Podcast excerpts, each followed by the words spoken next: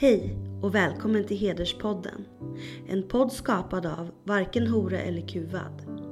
Vi är en förening som vill vara en röst för dem som annars inte får sin röst hörd. I den här podden kan ni bland annat få kunskap om hur hedersnormer kan se ut. Vill ni veta mer om hederskultur så tipsar vi om att beställa vår metodbok Respektguiden. Den handlar om hedersnormer och vilka rättigheter det som är hedersutsatta har. Ni kan också läsa Varken Hora eller Kuvads rapporter 11 och 1200 som kartlägger hedersförtryck i socioekonomiskt utsatta områden i Stockholm och Göteborg. Vi har också en tidning, Förortsfeministen, där vi skriver om hedersnormer och mycket annat. För att ta del av det jag precis nämnt så kan ni besöka våra sociala medier eller vår hemsida www.vhek.se. E. Där kan ni även hitta tidigare avsnitt av Hederspodden. Tack för att ni lyssnar och för att ni stöttar vårt arbete. Hej och varmt välkomna till eh, nästa avsnitt av Hederspodden. Eh, jag heter Amineh Kakabav och ska idag samtala med pedagogen och läraren eh, Kimia Pasuki eh, som har rötterna från Iran och som jobbar både med nyanlända och på folkhögskolan men också gymnasielärare vi är jätteglada att eh, du ställer upp och gästar oss eh, på Hederspodden, kära eh, Kimia. Och du får ju helt enkelt själv presentera dig och lite grann om din bakgrund för att vi har ju träffats så många gånger på barrikaderna och, och kämpar för iranska kvinnors rättigheter och, och, och mot avrättningarna och senast också månaderna eh, i Ginas, eh, massa Gina Aminis revolution där kvinnorna började och fortfarande eh, fortsätter att kämpa för sina mänskliga fri och rättigheter i Iran. Så jag vet att du är en eh, riktig, riktig kämpe. Eh, det vore kul att för våra lyssnare att du också berättar lite grann själv. Eh, hej, hej finaste Mina och tack så hemskt mycket för att jag får vara med i din podcast. Det betyder väldigt mycket för mig och det värmer hjärtat verkligen. Um, som sagt, jag heter Kimia Pasuki. Uh, jag är uh, pedagog och uh, folkbildare kan jag säga. Jag kommer ursprungligen från Iran, har bott i Sverige Mm, drygt 37 år. Eh, och jag är utbildad här i Sverige som gymnasielärare i grund och botten. Men sen har jag ombildat mig till folkhögskolelärare. Och under mina över 25 år som jag har jobbat som lärare så har jag varit med olika grupper. Men jag kan säga att eh, en del av min tjänst just nu det är med de nyanlända till Sverige. Eh, och det är därför eh, jag och Amina, när vi pratade sist, så tänkte vi det vore kanske bra att vi pratar lite eh, om det med mina erfarenheter. Eh, och som sagt, som Amina sa, eh, det är väldigt viktigt att vi kvinnor, så du sa att vi träffas eh, för det mesta när det gäller demonstrationer och protestaktioner och det vore det, det på sin plats att säga att det är väldigt viktigt att vi som kan och har möjlighet att vara rösten för kvinnorna i de länderna där de förtrycks, där de eh, får inte säga sitt och de eh, riskerar det värsta straffen bara för att de ska bestämma över sig själva och äga sig själva. Eh, så med de här orden så vill jag börja och gärna om du har några frågor så kan jag svara. Tack så hemskt mycket eh, kära Kimia. Eh, du är från Iran och du har flytt också Iran på grund av tvångshijab och förföljelse. Jag tänkte om vi börjar där eftersom du jobbar också med vuxna kvinnor och du vet att det här förtrycket regimens förtryck är ju systematiskt, till exempel i Iran. Men mm. många, många av de här eh, kvinnorna eh, som du också möter och jag möter och vi möter i, i skolan och, och, eh, och på vissa arbetsplatser, det fortsätter. Kan du berätta hur det är? Mm. För att i Sverige tror man att bara man är vuxen kvinna så, så, så är det liksom frid och fröjd och man själv har sin rätt att, att berätta och, och, och, att, och att ha en skyldighet också om det finns barn i bilden att, uh, att hon ska ta steget. Men det är ju inte alltid lätt. Det är inte alltid lätt. Uh, kan du berätta lite, hur är ja. det? Jag kan börja där du faktiskt började. Att jag kom hit som 19-åring efter revolutionen i Iran och skälen, anledningen till att jag flyttade från Iran, det var just det här med att eh, jag kände att jag har ingen framtid i Iran och jag ville leva som jag ville och äga mig själv och bestämma över mig själv. Och det var därför jag kom till Sverige. Och eh, där tycker jag att det bästa och den viktigaste personerna i mitt liv efter eh, min närmaste familj förstås, eh, det var mina lärare i skolan som jag fick lära mig väldigt mycket om hur samhället funkar. Och eh, det har ju haft med det att vi som kommer från Iran, de flesta har gymnasieutbildning, så vi kunde lite engelska. Och därför kommunikationen var ganska lätt. Men om jag ska jämföra med det som jag har erfarit eh, under mina år med de nyanlända. Vi har ju haft nyanlända nu pratar jag mest om kvinnor som har ju haft, antingen kan de vara analfabeter eller väldigt lite om att kunna läsa och eh, skriva. Och då är det kommunikationen väldigt svårt. Men samtidigt kan man se att de här kvinnorna mest av alla behöver veta om samhällsregler, om koderna i Sverige, om normen i Sverige hur kvinnorna lever i Sverige och vilka rättigheter och skyldigheter har de. Och eh, jag kan säga att tyvärr, eh, det, det är inte alltid man tänker på det när man eh, har ju det här med kursplanering. Eh, man går efter en läroplan som handlar väldigt mycket om kunskap om ämnena.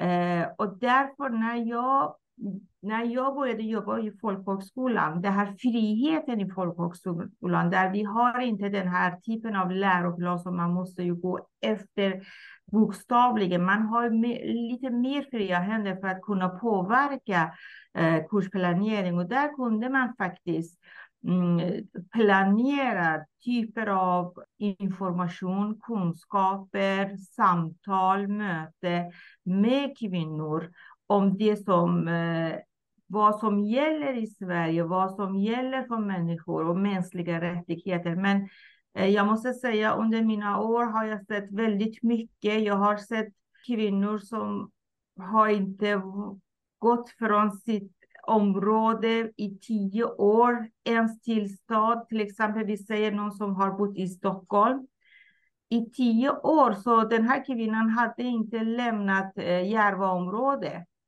har bara varit i de områdena och första gången när hon kom till vår skola som ligger i Sandhällsplan, det var, det var verkligen en resa för henne att komma dit. Och ni kan tänka er hur det skulle betyda med alla studiebesök som man kan göra för de här kvinnorna när de kan gå och se liksom till exempel vilka typer av arbete hon kan eh, syssla med eller hur riksdagen ser ut. Vad finns det för kvinnojour? Alla de här informationerna har varit enormt viktiga, enormt viktiga för dem.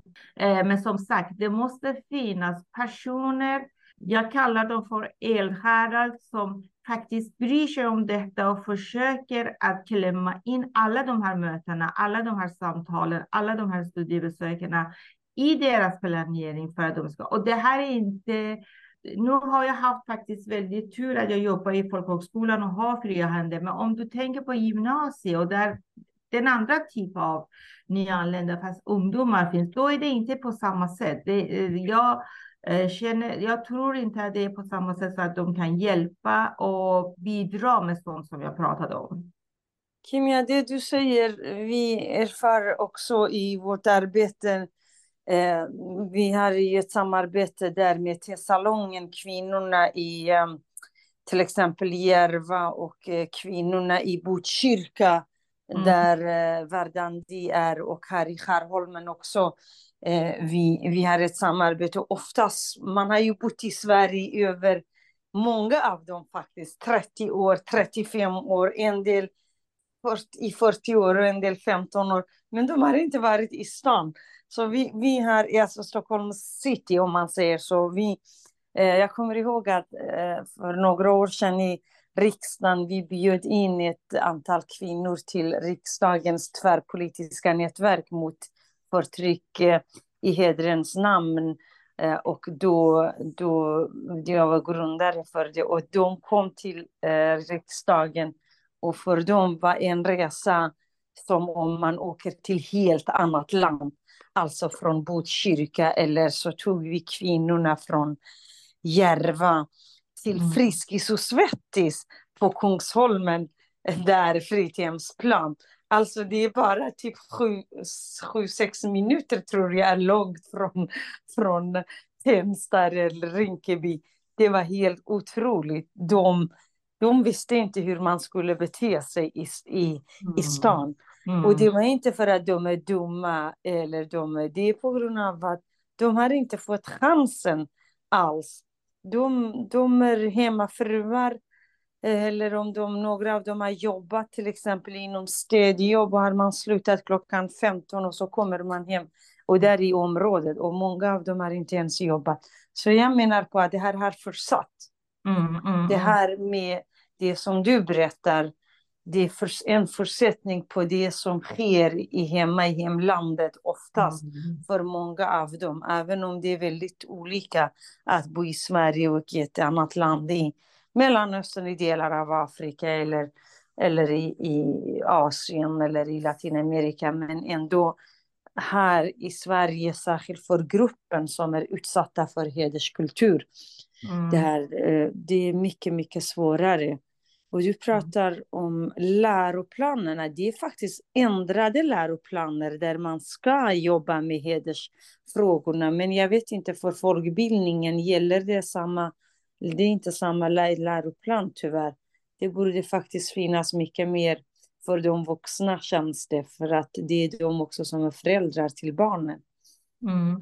Eh, jag skulle vilja mm, prata om ett exempel som jag själv har varit med om. Det var en Eh, uppdrag som jag liksom tog ansvar för.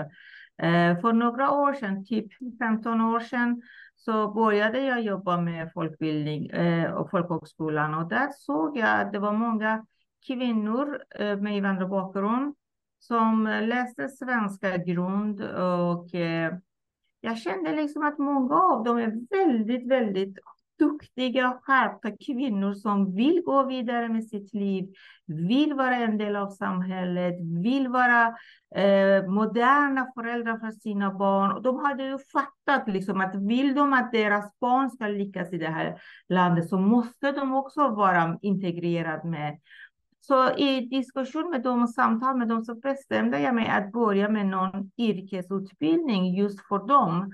Och just då var det det här med ehm, um, vårdbiträde, jobba inom vård som fanns jobb. Och med, med dåvarande rektorn så började vi spåna lite och då gjorde jag vård, omsorg, orientering, kurs inom folkhögskolan. Och för att inte gå i detaljer, för att göra en lång historia kort, så jag vill bara säga det. Under de fem eller sex år som vi hade den här kursen 90 procent av de kvinnor som kom och varje år, läsår, så var det runt 20 kvinnor som sökte. Det var mest kvinnor. Det var ingen kvinnokurs, men det var mest kvinnor som sökte. 90 procent av alla de här kvinnorna är ju eh, fortfarande på jobb, liksom de arbetar fortfarande. De har ju utbildat sig vidare till undersköterska. Det har blivit helt andra personer. Jag har kontakt med de flesta och när jag träffar dem på gatan eller på någon eh, arrangemang, då ser jag hur mycket de har växt som människa. Från en kvinna som var ganska rädd, orolig, osäker och visste inte vad man ska göra, till en kvinna självständigt, har bra självkänsla och självförtroende och har ju förstått liksom hur det här samhället funkar för att kunna eh, utveckla vidare och sen utveckla för sina barn. Det är väldigt viktigt att tänka på den eh, punkten, att de här kvinnorna är mammorna till nästa generation. Och blir de integrerade, blir de eh, får ett bra liv och värdigt liv som kvinna, så kommer påverka deras roll som mamma. Så det ville jag verkligen poängtera. Det, eh, det, var, det är väldigt viktigt att tänka på det också. Jättefint att du eh, lyfter ett eh, gott och likat exempel. Men vad är det som samhället eh, missar? Vad är det som lärare och SFI-lärare eller folkhögskolor, oftast de här kvinnorna är ju på folkhögskolor. Och när, när många av SFI också är, eh, till exempel i Stockholm, total Eh, privatiserade och eh, tyvärr oftast har de inte ens chansen att träffa en, eh, en utbildad lärare. En lärare som själv kan om svenska samhälle, även om man är själv svensk innebär inte att man kan allt därför att om man är inte utbildad, om man inte till exempel vet vad är det för problem de har och man missar. Om du skulle berätta både om kvinnornas problematik, till exempel hur, hur, ser det ut, hur kan man förstå dem? Och vad är det samhället missar? Eh, jag tror att eh, det är väldigt viktigt att de som jobbar lärare med de nyanlända ska ha eh, förståelse och kunskap om varifrån de här människorna kommer och samtidigt är det väldigt viktigt att man kan eh, ändra sin tunnelsyn som ibland tyvärr brukar vi få i Sverige att vi blir väldigt eh, som robot. Liksom, vi går till jobbet, vi går efter det som står på våra tjänstefördelningar och sen det handlar om bara den ämne som man ska jobba med. Så först och främst det är väldigt viktigt att den lärare som person eh, ska själv eh, göra att bli mer medveten vilka människor som man jobbar med. Det är precis som när man jobbar med ungdomar eller när man jobbar med lågstadie. Du måste ju ha kunskap om deras psykologi, hur det funkar. Det är samma sak när du jobbar med vuxna som är nyanlända. Och sen samtidigt när det gäller kvinnor, jag tror att till exempel personer som du och jag har de här extra ögonen och kan se väldigt lätt om det finns problem. Men det är inte alltid att alla har. Eh, jag ser många gånger eh, att inom systemet man missar att just den här kvinnan som är så tyst och, eller har hög frånvaro eller att eh, ganska, kan, ser ganska rädd ut. Eh, och sen när man ställer frågor och inte svarar, till exempel, det är exempel, då måste man tänka, vad, vad är det som händer? Kan det vara så att eh, några av, eh, för att det är många gånger när det är nyanlända, det är inte bara en familj som är här, det kan vara det är inte bara ett par som är här, det kan vara en hel familj som går i samma skola. Och då kan det vara väldigt lätt att den personen känner sig inte 100% fri i klassrummet för att det kan finnas kusin eller det kan finnas någon från mannens sida. Och, som, och det där missar man i, i skolan. Att det är väldigt många gånger, vi måste ju skilja dem åt, att de ska inte vara i samma grupp. Sen, jag tror att många gånger när det gäller eh, kvinnorna. Eh, de kan, jag, jag försöker göra så här att det är väldigt viktigt att ha tolk, att kunna prata med dem i början av kursen och berätta för dem. Och det här missar man väldigt ofta. Om du frågar om vad är det som man missar. Ett samtal där du sitter och pratar om vad hon behöver. Vad kan du hjälpa till? Och se hur kan hon, eh, hur kan hon be om hjälp när det är akut? Och det här kommer inte över en dag. Det här handlar om förtroende. Och det här förtroende kommer under tidens gång när de är här hos oss. Men det som man missar, man ser inte kvinnan bakom eller personen bakom eh, den här fasaden som sitter här. Man måste se till att hon ska känna sig trygg i skolan för att kunna öppna sig. Och sen tredje, att man måste berätta för dem med hjälp av tolk vad som gäller. För att många gånger man tror att bara man säger någonting så har man gjort sitt jobb. Och det handlar inte om det. Du måste se till att de förstår vad du säger. Det här för mig, det är det största typiskt i, i skolan. Att när man pratar med de nyanlända, man säger en massa ord och sen skriver några ord på tavlan för att de ska förstå. Och sen tror man att budskapet har kommit fram. Och jag måste säga, i 99 procent har inte budskapet kommit fram. Man måste jobba med hur ska man ha ett meningsfullt, tydligt, klart, konstruktivt samtal. För att de ska veta vad som gäller. Eh, du menar på att eh, det kan också ske heders kulturen följer även i skolan där det finns kusiner och släktingar. Ja. Ja, och där, ja. där man missar totalt eh, att, att den här vuxna kvinnan faktiskt är utsatt för inte bara sin man och familj utan också i skolan finns andra runt omkring som, som spionerar på henne. Men, men pratar ni på jobbet på ditt jobb till exempel eller i de skolor? Finns det någon skillnad där du jobbar till exempel på gymnasium? För att tar vi för givet att det är bara unga som är utsatta. Men här är det de vuxna kvinnorna som dessutom är ibland analfabeter. De kommer från samtliga oftast, man flyr på grund av någonting. Därför man är här på flykt. Alla kommer inte av ekonomiska ekonomiska skäl, utan många också av förföljelse på ett eller annat sätt. Vad är skillnaden? Eh, när det gäller gymnasiet, det var eh, länge sedan jag jobbade i gymnasiet, så jag kan inte säga så mycket. Jag har jobbat med folkhögskola i många år nu, sedan 2008 tror jag. Så det är många år nu på folkhögskolan. Men ja, hedersrelaterat våld har, finns i skolan. Eh, jag har själv bevittnat två fall Eh, där eh, just på grund av att det var, det var ett tag sedan faktiskt, det här hände för kanske 12 år sedan. Eh, då var det en tjej som de skulle, eller hon skulle gifta sig och det visade sig att hon, hon berättade liksom att hon har ju haft pojkvän innan och familjen vet inte.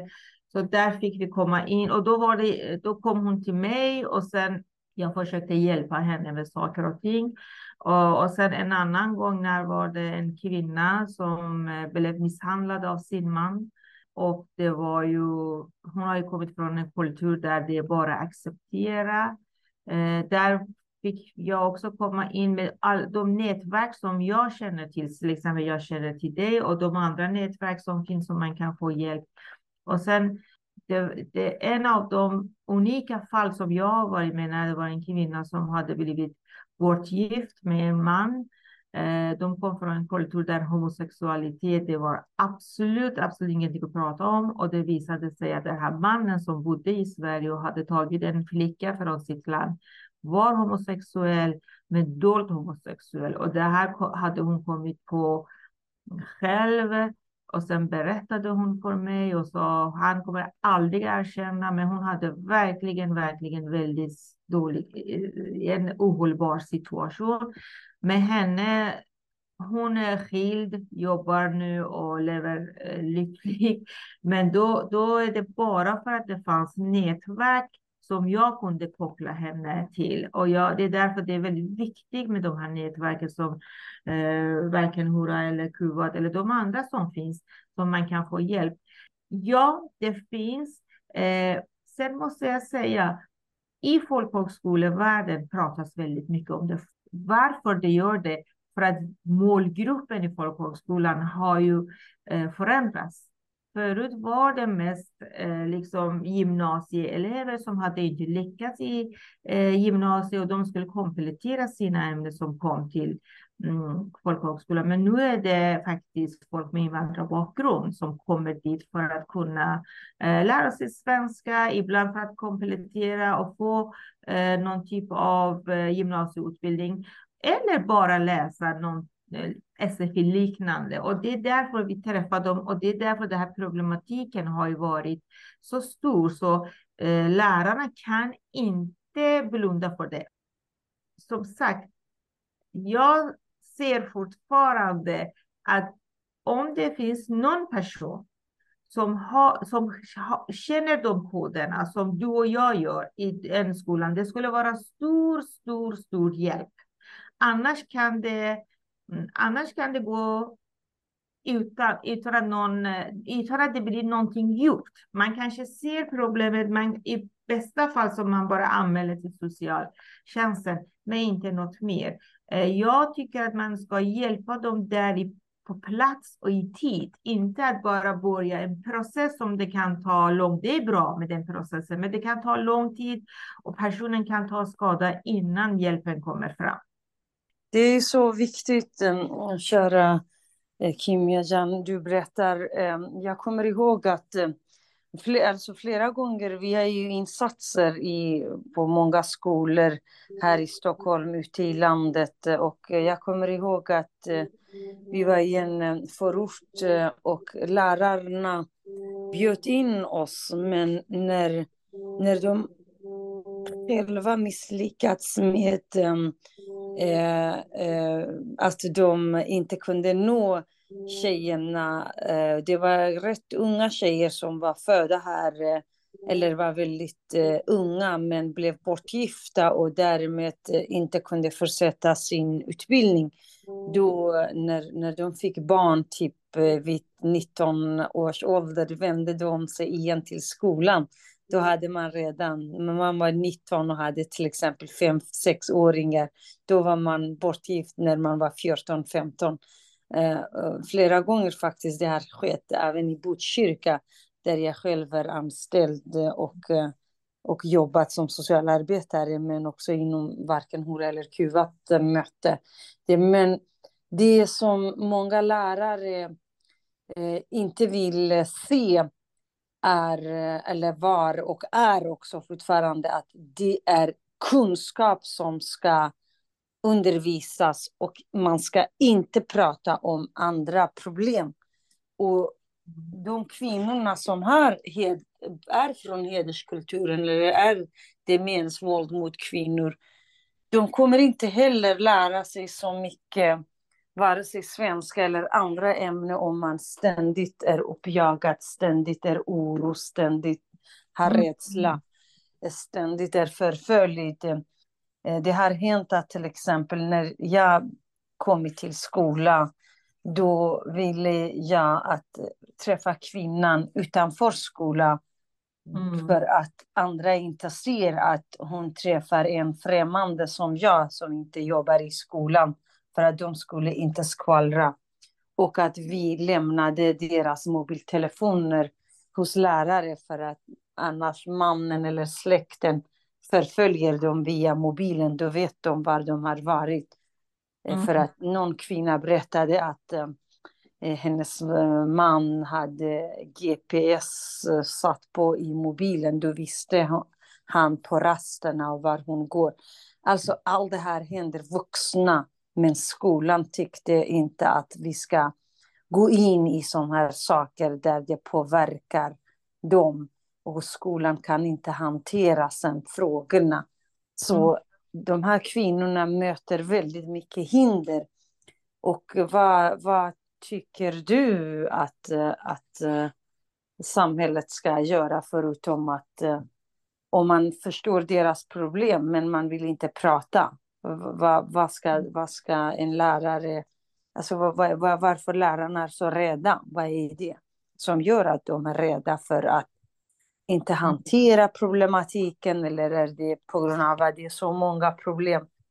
Du nämnde något, något ord som eh, jag fastnade för, eh, uppjagad. Eh, personer som är uppjagade, stressiga, oroliga och när de kommer till skolan. Det var det som jag sa att en erfaren eller en person känner på den, när man ser det här och då förstår man nu det, det, den här personen skulle aldrig kunna lära sig till exempel matematik eller svenska eller engelska när hon mår så dåligt. Därför måste man börja någon annanstans och just där vi behöver hjälp. Och jag vet att alla skolor har rätt till kurator till exempel. Okej, okay? Och därför har man kurator. Men den här tiden som kuratorerna har i, till exempel, ett exempel, vi har kurator en dag per vecka. Och med tanke på målgruppen, nu är det många till exempel eh, kvinnor med invandrarbakgrund, eh, så tycker jag det kanske man ska ha flera timmar med kurator. Och då ska vara helst kurator som kan prata olika språk, inte bara svensk språk. Eh, och sen, det är någonting som jag tycker att det borde man tänka mer på. Och sen det handlar inte om att ha bara en kurator på ett på en plats. Man måste ju kunna eh, få deras förtroende för att de ska öppna sig. Du frågar varför lärarna inte hjälper till eller de är rädda. Eh, jag tror att det som man inte vet, det som man inte känner till, det finns en mentalitet här i Sverige, då är man rädd för det. Eh, istället för att eh, gå fram och försöka lära sig så kanske att eh, ja, men det här, det här känns inte riktigt min grej eller det ligger inte på mitt bord. Tyvärr, det finns en mentalitet här i Sverige och samtidigt måste jag säga samhället är ju byggt på ett sätt där var och en ska klara sig själv med hjälp av staten och staten kräver en massa eh, eh, pappersarbete, en massa grejer som du måste ju redovisa och där blir man lite eh, loss, måste jag säga. Till exempel, vi säger så, om jag ska säga vad, vad jag menar som ett exempel. Jag vet att en kvinna har ju problem just med att ta ut skilsmässa hon måste ju, och jag vet att det är hedersrelaterat våld. Om hon inte kommer till skolan för att ska hantera det här, då kommer hon bli eh, utan pengar i slutet av månaden för att hon har frånvaro. Eh, Okej, okay. ska jag som lärare hjälpa henne att ge henne närvaro eh, fast hon är inte i skolan, då gör jag en tjänstefel. Om jag pratar med mina kollegor att ska vi kunna hjälpa henne med detta? För att det här är väldigt viktigt. Det här är det viktigaste i hennes liv. Då blir det, det blir ännu större, större problem för att de andra lärarna ska tänka, känna att det här kommer att bli ans ett eh, problem för oss. Så till slut, antingen blir det att du känner om du gör det här ensam och det kommer ut, då blir det en stor tjänstefel och du kan bli utan ditt jobb. Och därför, det är många som känner, jag vet inte om du förstår vad jag menar. Det, ja, jag förstår, jag förstår, men samtidigt. Eh, kan man inte fuska med betyg eller närvaro för att hon är utsatt, utan man måste hjälpa henne Precis. genom att eh, med kvinnojourer, polis om, om det finns barn och misshandel, det, liksom att eh, för att mm, finns det barn i bilden så finns det alltid en skyldighet för alla myndigheter att man ska polisanmäla misshandel till exempel. Det här kommer att kräva en massa tid av dig som lärare som redan är utsatta för mycket arbetsbelastning. Förstår du? Lärarna är redan väldigt eh, arbetsbelastade. Så om du ska ta in det här problemet, du måste ju verkligen jobba från dina eh, egna tider. Eh, så vad jag menar är att mm. vi måste ha ett plan för en plan, precis läroplan. Vi måste ha ett plan. vad ska vi göra? Hur mycket kan jag bidra med detta? Jag skulle vilja gärna ha någonting som jag kan gå efter utan att göra tjänstefel. Ehm, så där finns problem. För att även om, även om, om jag jämför med 20 år sedan, då har vi mycket, mycket bättre att hjälpa kvinnor som är utsatta för sådana här problem. Jag tycker som lärare att nu är vi mer öppna, att vi ser mer tack vare ni som har varit ute och föreläst, berättat. Så vi har friare händer. Vi kan faktiskt säga, ja, jag ser någon som har hedersrelaterat och i alla fall i min skola har det varit väldigt gott samarbete med rektor som jag kan berätta och sen kan jag få hjälp. Men det är inte så i alla. Jag, jag tror att de som jobbar i gymnasieskolan till exempel, de har mycket värre arbetstider än vad jag har. Och då skulle det bli jättesvårt för dem att ta an sådana här problem bredvid deras som arbetsuppgifterna. Ja, och därför, därför finns det eh, möjlighet och till och med lag att, att det ska finnas eh, eh skolkurator och, och skol, eh, skolpersonal som, som har kompetens. Det borde vara A och O också på SFI och folkhögskolor särskilt eh, där, där målgruppen är. Det, det är tyvärr, nu har det kommit också, också en, en utredning för att stärka kvinnor i socioekonomiska områden. Jag har själv länge, vi också i varken hora eller Kuba, har en, ett antal krav eh, på att eh, ställa det till politikerna Eh, för att förbättra deras eh, livsvillkor, både i skolan, på arbetsmarknaden, men också i hemmet. Men precis som du säger, när det kommer till krytan så, så skon klämmer och det finns en massa byråkrati och det, det är en massa andra hinder och att skolan inte... För det är ju skolan som är arenan. Vi brukar säga att skolan är frizon för flickorna, men det, SFI är faktiskt också frizon eller folkhögskolorna för många av de kvinnor som är utsatta. Eh, och det är enda tiden de kommer att träffa andra och särskilt någon som talar svenska och det måste vara läraren.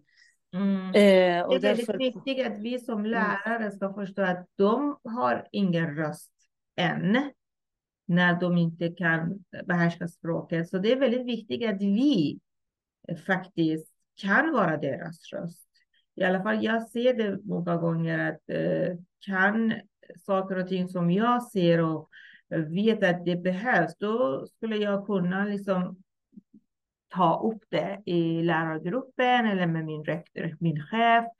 Eh, så det är väldigt viktigt för alla lärare att eh, vara lite mm, på eh, och sen observerar, ser, lyssnar, frågar och sen är det någonting som de säger hjälpa till att bli deras röst, Eh, bygga deras meningar, hjälpa till att eh, berätta om vad de behöver. Det kan handla om, det kan handla väldigt små saker till stora saker som kan hjälpa till deras liv. Ja, eh, jag tänker så här, det vore väldigt, väldigt viktigt att det fanns flera lärare som dig, Kimia, som kan, som kan problematiken och har öron och ögon öppna och vet eh, vad är det de här eh, målgruppen behöver, även om de är vuxna enligt svensk lag. De får sin egen talan, men i hederskulturen, kvinnor får inte sin egen talan. Är du vuxen och hemma hos sina föräldrar, då är det mamma, pappa, bröder och eh, andra. Är du gift hos en familj, där är det mannen och din son och, och hans familj. Så du är aldrig dig själv från den grovaste hederskulturen. Så därför behövs det mycket mera insatser, kunskaper och därför faktiskt vi, varken hora eller kuvad, har den här eh, Eh, kursen i hedersproblematik eh, i samarbete med Viskadalen och arbetarrörelsens folkhögskolor i västra Sverige. Och där eh, varje termin anmäler sig många lärare, SFI-lärare, blivande socionomer, jurister, politiker för att de ska lära sig hur man ska hantera de här situationerna. Så jag hoppas även dina kollegor vill delta för att det är distanskurs på helgerna. Eh, och, eh, och den är väldigt viktigt för att alla har inte den här kunskapen. Och mm. även om man har kunskap vet man inte ofta hur man ska göra.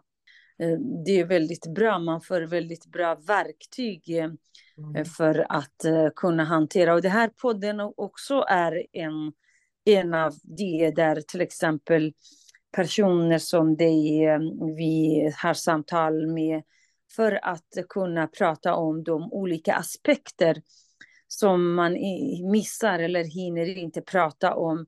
Och framförallt i vuxenskola, det är inte så vanligt man pratar om det, för att i Sverige, som jag sa, man tar för givet att vuxna människor eh, själv för sin tala, de kan reglerna, man tar för givet att eh, att de här eh, kan eh, prata, för här pratar vi om också språket, språkhinder, rädsla, kulturell också rädsla för att man, man, man lär sig som, som barn, flickebarn, att, eh, och pojkar också naturligtvis. Man ska inte prata om sina familjeangelägenheter för andra.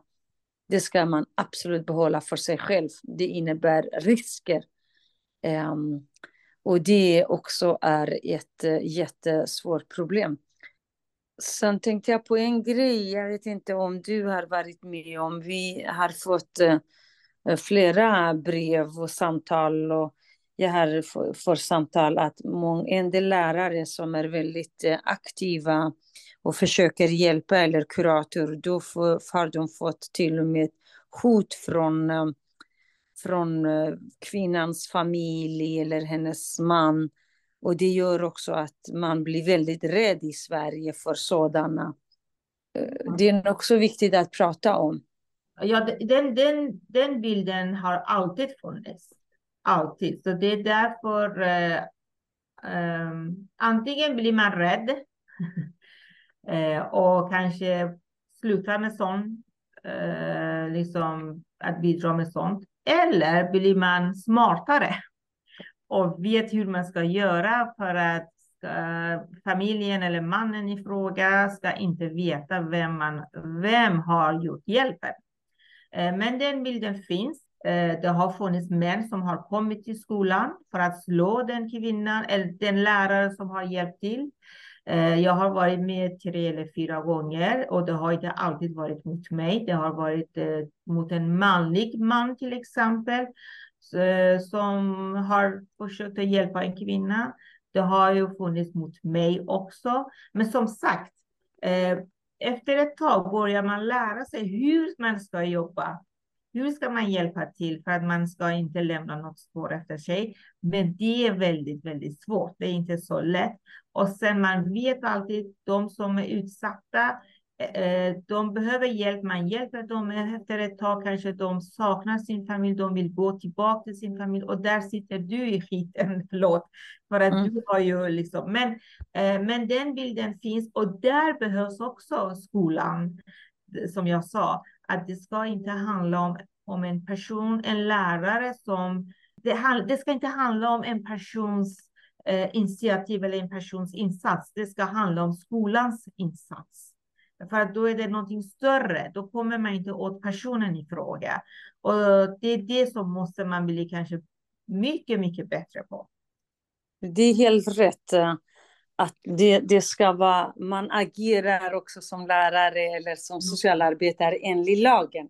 Så egentligen man, man agerar inte som en person utan utan mm. som att man har ett, ett uppdrag i skolan. Förhoppningsvis eh, många vågar, men vad händer då till exempel? För att det händer ganska ofta att lärare, eh, också på gymnasiet och annat, hör av sig att de är rädda för en familj eller på SFI för mannen eller för en bror eller, eller för en släkt. Och ibland händer också att imamens son som är anställd i skolan eller, eller släktingar och blir man ännu mer rädd. Vad, vad, vad är, vad är det som, som man ska göra? Det är ju polisanmäla naturligtvis. Ja, det är polisanmäla.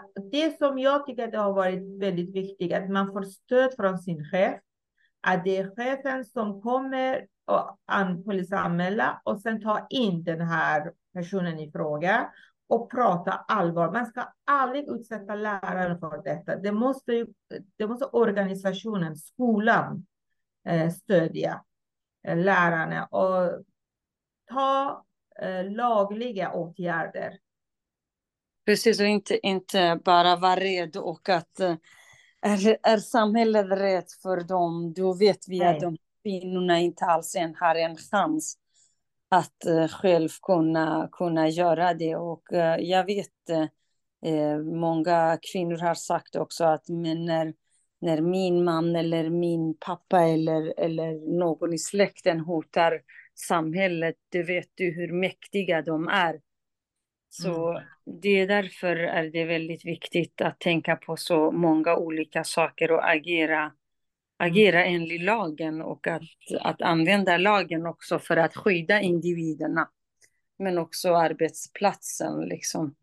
Det är mm. väldigt många olika aspekter eh, där det spelar in. Eh, för att eh, förut som du säger, SFI och allt det här har förbättrats för att kunskapen finns och alla regeringar har också satsat på de här områdena, även ofta, ofta satsar man fel man kommer inte till krytan när det gäller problematiken. Men däremot tänker jag på att förut tänkte man skolan handlar om bara kunskap. Men nu handlar det faktiskt den sociala biten väldigt, väldigt, väldigt viktigt för att mm. skolan ska också kunna fungera. Eftersom hemmet fungerar inte. Eftersom hot finns det. Mm, mm, precis, precis. Eh, har du på slutet här eh, några eh, andra synpunkter eller, eller eh, vill du säga något mer innan vi avslutar så småningom? Eh, det har ju, du vet säkert om den här samhällsinformationen eh, som alla får på sitt modersmål. Jag tycker att det här är en bra insats, 100 timmar som man får information om samhället och jag skulle vilja att de fortsätter med detta. Eh, så jag ser vilket, det, det ger effekt. Det ger verkligen effekt. Eh, sen skulle jag vilja att... Ehm, hur, hur går det till, eh, till exempel på eget språk, om de inte själv kan läsa? Är det i skolan man undervisar eller hur gör man? Det är till exempel, jag vet ABF till exempel har de här kurserna, en del av de kurserna, de går fysisk lektion. Det är en lärare som pratar deras språk och berättar om, eh, berättar om vad som gäller i Sverige. Man tar bostad, man tar vårdcentrum, vård, man tar eh, rättig, det här med barnkonvention, man tar rättigheter och skyldigheter. Det, det är hundra timmar och det är på deras språk. Då behöver man inte bara, jag menar det är väldigt bra att kunna läsa och skriva, men det är bra för de analfabeter också, för att de för muntlig redovisning. Så det, det är någonting som jag verkligen tycker att det är bra. Så eh, jättebra att fortsätta med.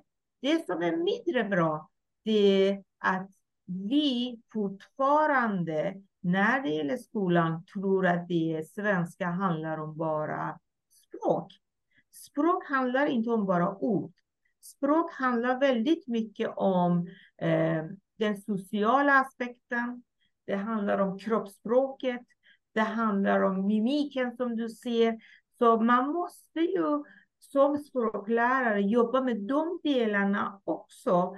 Att även om du kan lite svenska, men du kan använda andra aspekter för att kunna göra dig hörd.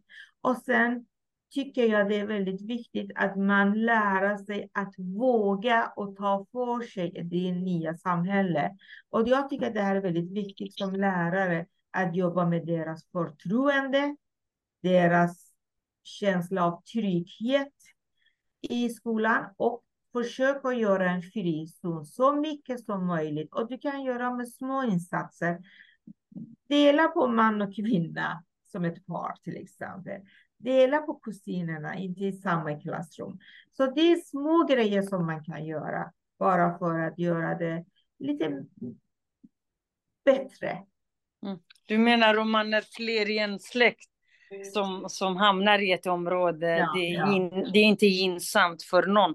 Det, det är väldigt bra, bra tips eh, faktiskt.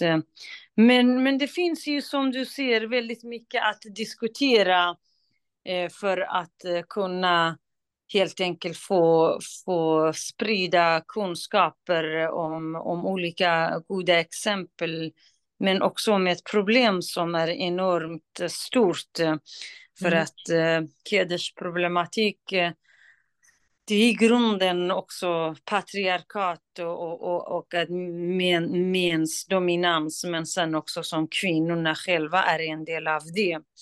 Oftast eh, det är också svårt eh, för, för Sverige. Man tror det är bara man är van vid att kvinnor är utsatt för mansvåld eller mäns våld och då, då är det lättare att hantera. Men det blir mycket, mycket sårbarheten och svårigheten är större när det när en vuxen kvinna är utsatt för övriga i, i familjen. Eh, också, och, och, men för också för kvinnor eh, och själv eh, upprätthåller hederskulturen. Eh, det är därför måste man förstå själva liksom, eh, grunden i det och därför eh, vi sprider den här kunskapen på olika sätt. Så jag eh, har inte nu fler frågor ifall att du vill ha avslutande ord. Varsågod, kära Kimia. Eh, jag skulle verkligen tacka dig för allt som du gör och din organisation. Eh, det betyder, det har betytt väldigt mycket, Amina. Det som, det som ni sprider, den kunskapen som ni har spridit angående hedersrelaterat. Jag har bjudit in dig eh, jag tror en eller två gånger till folkhögskolan. Och bara att de ser en person eh, som kan deras språk, ser ut som dem mm. och sen pratar om de problemen utan att vara rädd för. Och sen kommer med åtgärder. Det har betytt väldigt mycket fortsätt med det som ni gör och det är väldigt viktigt att vi som till exempel jag som lärare och du som eh, någon som jobbar med hedersrelaterat, vi har kontakter. Det är väldigt viktigt att vi har kontakter för att jag kan berätta saker och ting som du kanske kan hitta åtgärder, kan hjälpa mig med tips eller tvärtom. Och som sagt, tack för att ni bjöd mig till den här podcasten. Tusen tack för eh, din medverkan och tusen tack för att du brinner för de här frågorna. För att det betyder också väldigt mycket för målgruppen att ha en pedagog och en lärare, men också för samhället. För att det här är ju en samhällstjänst vi gör. Vi varken hora eller kuvad gör vår allt. Eh, det är ideellt arbete egentligen och vi kommer gärna tillbaka och sprider gärna också om vår kurs. Tusen tack och eh, jätteglad sommar och midsommar. Ha det så bra. Tusen tack än en gång för att du har ställt upp, kära Kimia Pasuki. Samma, detsamma finaste och trevlig midsommar. Tack, tack ska du ha.